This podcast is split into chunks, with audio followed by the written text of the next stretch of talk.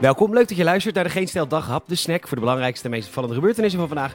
Natuurlijk ben ik knipoog. Met vandaag haal je oma op, Volkspartij VVD en welkom Omicron. Mijn naam is Peter Bouwman, dit is het nieuws van zaterdag 27 november.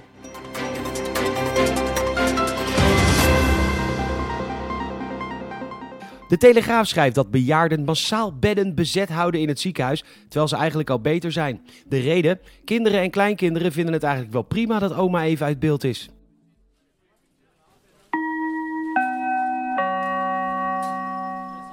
Dit is een oproep voor de familie van der Willek. Wilt u alstublieft uw oma opkomen halen? Ze ligt op een bed weg te kwijnen naast het ballenbak. Ze is inmiddels genezen van corona, maar het constante geklaag over dat vroeger alles beter was... en dat hoewel ze toch echt haar hele leven heeft gewerkt... dat ze toch niet rond kan komen van haar pensioen... Dit aanhoren is niet onderdeel van de zorg en hiervoor is niemand in dit ziekenhuis opgeleid. Heel eerlijk was het een leuke mens toen ze gewoon twee weken op de buik lag en geen bezoek kreeg. Bovendien laat ze af en toe een plasje door, dus familie, alsjeblieft, hou haar op. Dit is niet meer te doen zo en bovendien liggen er nog andere patiënten te wachten op een bed. Hoewel ook die de oren van onze kop mekkeren over dat ze zich vol trots niet gevaccineerd hebben, is dat nog altijd dragelijker dan uw oma. Nogmaals, ze ligt naast de ballenbak, haal erop.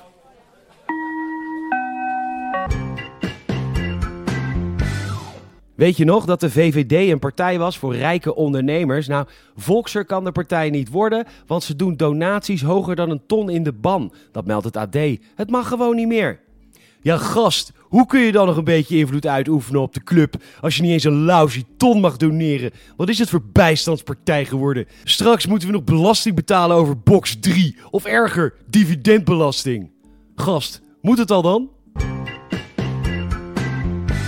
Het is de eerste keer tijdens de pandemie dat ons kabinet kortdaad heeft opgetreden. Het stoppen van vluchten uit Zuid-Afrika omdat daar de Omicron-variant is opgedoken. En hoewel er nog heel weinig bekend is, wel is duidelijk dat Omicron veel spikes heeft. Jezus Christus, die gast heeft veel spikes. Na vliegtuigen aan de grond en iedereen getest. 61 van de 600 passagiers zijn positief getest, al dus de Telegraaf.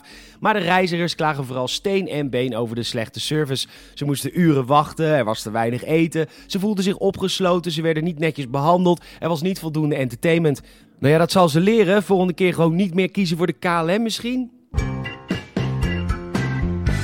Bij de NOS is natuurlijk weer een epidemioloog aan het woord. En hoe langer deze pandemie voortduurt, hoe meer wij ons afvragen hoe moeilijk een studie epidemiologie eigenlijk is. Het lijkt ons niet meer dan een niveautje Pabo, want de ene epidemioloog zegt of het gaat werken ligt voor een groot gedeelte bij werkgevers die hun personeel echt thuis laten werken en lokale autoriteiten die hun verantwoordelijkheid nemen.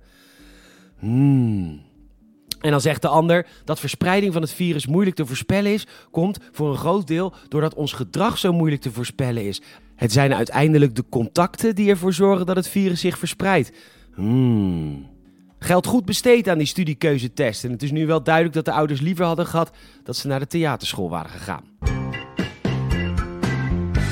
We zitten de komende maanden in een lockdown, omdat de lockdown niet voor alles en iedereen geldt. Virusfabrieken die scholen heten blijven open. En dus vraagt het OMT aan het kabinet of ze alsjeblieft de kerstvakantie willen verlengen.